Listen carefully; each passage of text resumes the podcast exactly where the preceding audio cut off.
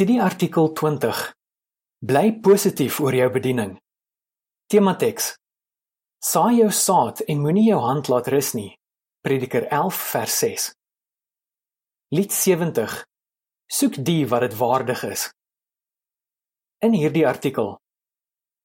Hoe kan ons positief bly oor ons bediening? Al kry ons nie baie mense by die huis nie of al stel baie mense nie belang in ons boodskap nie.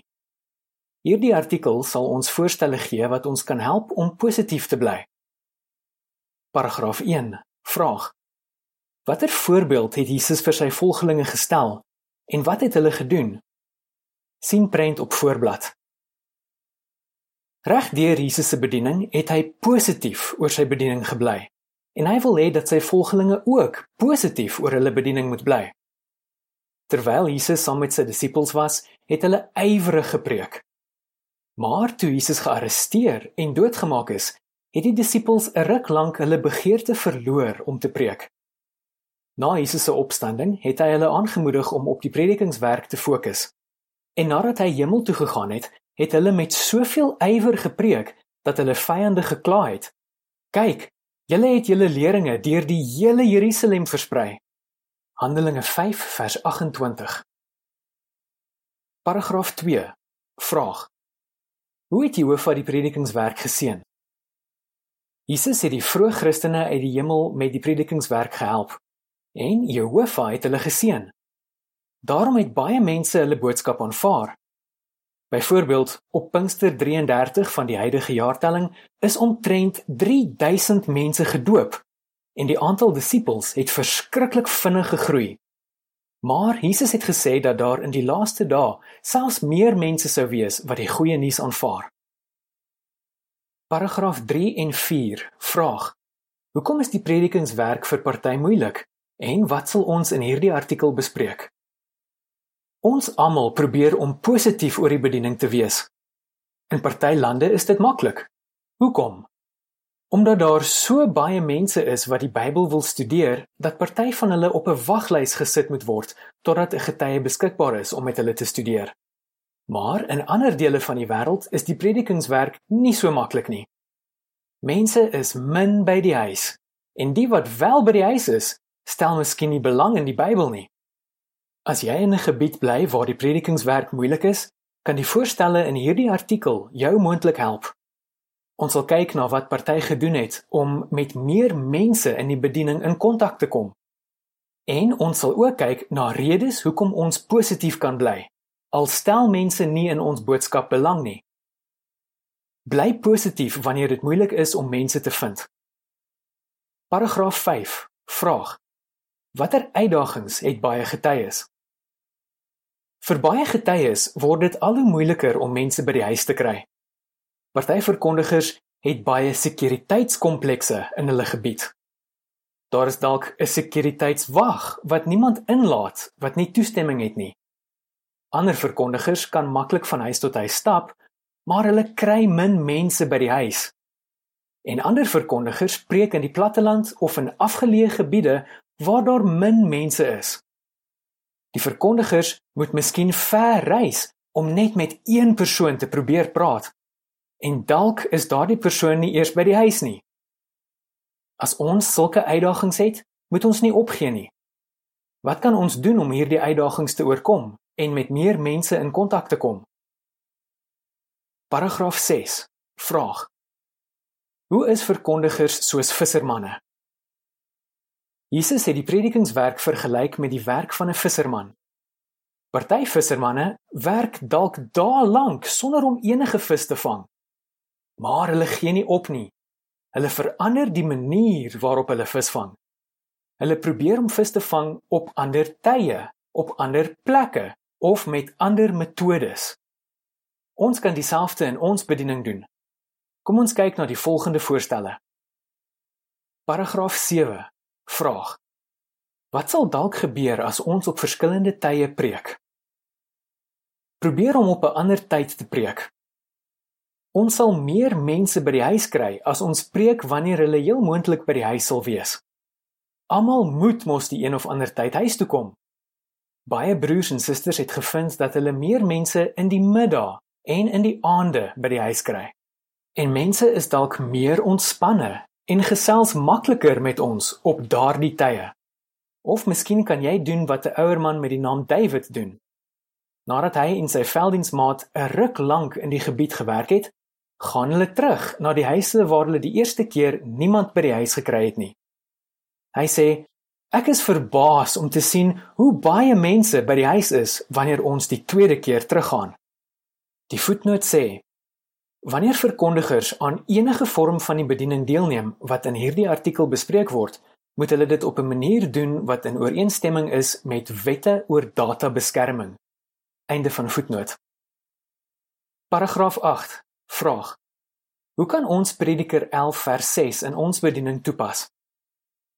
Ons moenie opgee nie. Ons temateks herinner ons aan die gesindheid wat ons moet hê. Prediker 11 vers 6 sê: Saai jou saad in die oggend en moenie jou hand laat rus voordat dit aand is nie, want jy weet nie watter een sal groei nie, hierdie een of daardie een, en of hulle albei sal groei nie. David, wat vroeër genoem is, het nie opgegee nie. By een huis het hy uiteindelik iemand gekry, nadat hy 'n paar keer niemand by die huis gekry het nie. Die man het na David geluister en het gesê: Ek bly al omtrent 8 jaar lank hier en dit is die eerste keer dat 'n getuie na my huis toe kom. David sê: Ek het gevind dat mense baie keer na ons boodskap luister wanneer ons hulle uiteindelik by die huis kry. Paragraaf 9. Vraag: Hoe het party getuies in kontak gekom met mense wat moeilik is om in die hande te kry? Probeer om op 'n ander plek te preek. Party verkondigers het op 'n ander plek begin preek sodat hulle mense kon bereik wat moeilik is om in die hande te kry. Straatwerk en die gebruik van lektuurtrollies is byvoorbeeld goeie maniere om mense in die hande te kry wat in groot woonstelblokke bly waar die getuies nie toegelaat word nie. Hierdie metodes maak dit vir die getuies moontlik om met mense te praat wat in sulke woonstelblokke bly. En baie verkondigers het gevind dat mense makliker gesels of lektuur aanvaar wanneer hulle in parke, by markte en in besigheidsgebiede is. Floyran, 'n kringopsiener in Bolivia, sê ons gaan gewoonlik tussen 1 uur en 3 uur in die middag na die markies en besighede toe wanneer dit nie so besig is nie. Ons het gewoonlik lekker gesprekke en begin selfs Bybelstudies. Paragraaf 10. Vraag: Watter metodes kan jy gebruik om met mense in kontak te kom? Probeer 'n ander metode. Sê nou jy het 'n hele paar keer probeer om iemand in die hande te kry. Jy het op verskillende tye na hulle huis toe gegaan, maar niemand by die huis gekry nie. Is daar ander maniere om in kontak te kom met so 'n persoon? Katarina sê ek skryf briewe vir mense wat ek nooit by die huis kry nie. Ek skryf neer wat ek persoonlik vir hulle sou gesê het. Wat leer ons uit haar ondervinding? Probeer om op die een of ander manier in kontak te kom met almal in jou gebied. Die volgende is 'n beskrywing van die prent wat van toepassing is op paragraaf 10. 'n Getroude paartjie preek in 'n gebied waar dit moeilik is om mense by die huis te kry. Die eerste huisbewoner is by die werk. Die tweede een is by 'n kliniek en die derde een is by 'n winkel. Hulle kry die eerste huisbewoner later in die dag by die huis. Hulle ontmoet die tweede een terwyl hulle openbare getuieniswerk naby die kliniek doen. En hulle maak kontak met die derde huisbewoner deur vir haar te bel. Die onderskrif van die prent sê: Wanneer jy in gebiede preek waar jy sukkel om mense in die hande te kry, moet jy ander tye, ander plekke of ander metodes probeer. Bly positief wanneer mense nie belangstel nie. Paragraaf 11. Vraag: Hoekom stel party mense nie in ons boodskap belang nie? Party mense stel nie in ons boodskap belang nie. Hulle dink nie dat hulle God of die Bybel nodig het nie. Hulle glo nie in God nie omdat daar so baie probleme in die wêreld is. Hulle stel nie in die Bybel belang nie want hulle sien hoe skynheilig die godsdienstleiers is wat sê dat hulle volgens daardie boek lewe. Ander se lewe draai om hulle werk, familie of persoonlike probleme en hulle dink nie dat die Bybel hulle kan help nie. Hoe kan ons ons vreugde behou wanneer mense nie in ons boodskap belangstel nie? Paragraaf 12. Vraag: Hoe kan Filippense 2 vers 4 ons in die bediening help? Wys dat jy in mense belangstel. Baie mense wat eers nie belang gestel het nie, het later na ons boodskap geluister toe hulle sien dat ons regtig in hulle belangstel. Filippense 2 vers 4 sê: Terwyl julle nie net aan julle eie belange dink nie, maar ook aan die belange van ander. Byvoorbeeld, David wat vroeër genoem is, sê: As iemand sê dat hulle nie belangstel nie, sit ons ons Bybel en lektuur weg en sê ons: Ek wil graag weet hoekom jy so voel. Mense weet wanneer iemand vir hulle omgee. Hulle vergeet dalk wat ons vir hulle gesê het, maar hulle sal heel moontlik onthou hoe ons hulle laat voel het. Selfs al laat mense ons nie toe om met hulle te praat nie, kan ons deur ons gesindheid en gesigsuitdrukking wys dat ons vir hulle omgee. Paragraaf 13. Vraag: Hoe kan ons ons boodskap aanpas volgens elke persoon se omstandighede?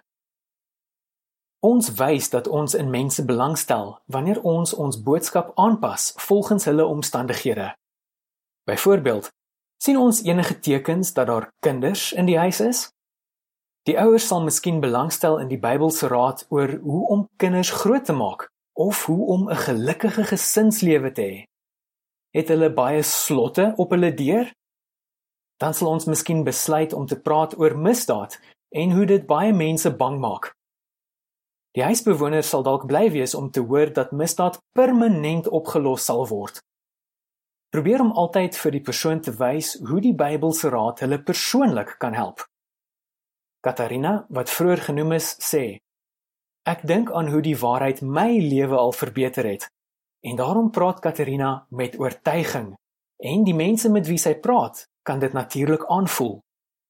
Paragraaf 14. Vraag: Volgens die beginsel in Spreuke 27 vers 17, hoe kan veldiensmaats mekaar help? Laat ander jou help.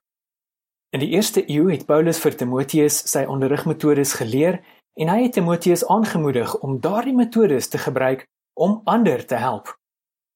Soos Timoteus kan ons by ervare verkondigers in ons gemeente leer. Spreuke 27 vers 17 sê: Soos yster deur yster geslyp word, so vorm vriende mekaar. Kyk na die voorbeeld van 'n broer met die naam Sean.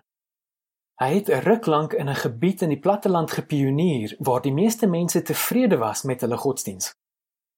Hoe het hy sy vreugde behou? Hy sê: "Ek het altyd probeer om saam met 'n veldiensmaat te werk. Terwyl ons van huis tot huis gestap het, het ons mekaar probeer help om te verbeter as onderrigters. Ons het byvoorbeeld gepraat oor wat die huisbewoner gesê het en hoe ons gereageer het. Dan het ons bespreek wat ons die volgende keer kan sê as ons weer in so 'n situasie is. Paragraaf 15. Vraag: Hoekom moet ons Jehovah vra om ons te help in die bediening? Vra Jehovah om jou te help. Elke keer wanneer jy velddiens doen, moet jy Jehovah vra om jou te help. Ons het sy kragtige Heilige Gees nodig in alles wat ons doen. Wees spesifiek wanneer jy Jehovah vra om jou te help. Jy kan hom byvoorbeeld vra om jou te help om iemand te vind wat graag oor hom wil leer en bereid is om te luister. Dan moet jy in ooreenstemming met jou gebed optree deur te preek vir almal wat jy ontmoet. Paragraaf 16. Vraag: Hoekom moet ons persoonlike studie doen as ons suksesvol wil wees in ons bediening? Maak tyd vir persoonlike studie. God se woord sê: Bewys aan julleself wat die goeie en aanvaarbare en volmaakte wil van God is. Romeine 12 vers 2. Hoe meer oortuig ons is dat ons die waarheid oor God het, hoe duideliker sal dit wees dat ons regtig glo wat ons sê. Katarina, wat vroeër genoem is, sê: Ek het 'n tydjie terug besef dat ek my geloof in 'n paar basiese Bybelleringe moet versterk. Daarom het ek gekyk na die bewyse dat daar 'n Skepper is, dat die Bybel regtig God se woord is en dat God vandag 'n organisasie het wat hom verteenwoordig. En ek het hierdie bewyse in diepte gestudeer. Katarina sê dat haar persoonlike studie haar geloof versterk het en haar gehelp het om meer vreugde in die bediening te hê. Hoekom ons positief bly in ons bediening? Paragraaf 17. Vraag: Hoekom het Jesus positief gebly in sy bediening? Jesus het positief gebly en het aanhou preek al het party mense nie in sy boodskap belang gestel nie. Hoekom?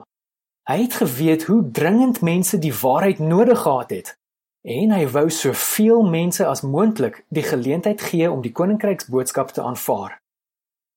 Hy het geweet dat party wat eers nie belang gestel het nie, later wel sou luister.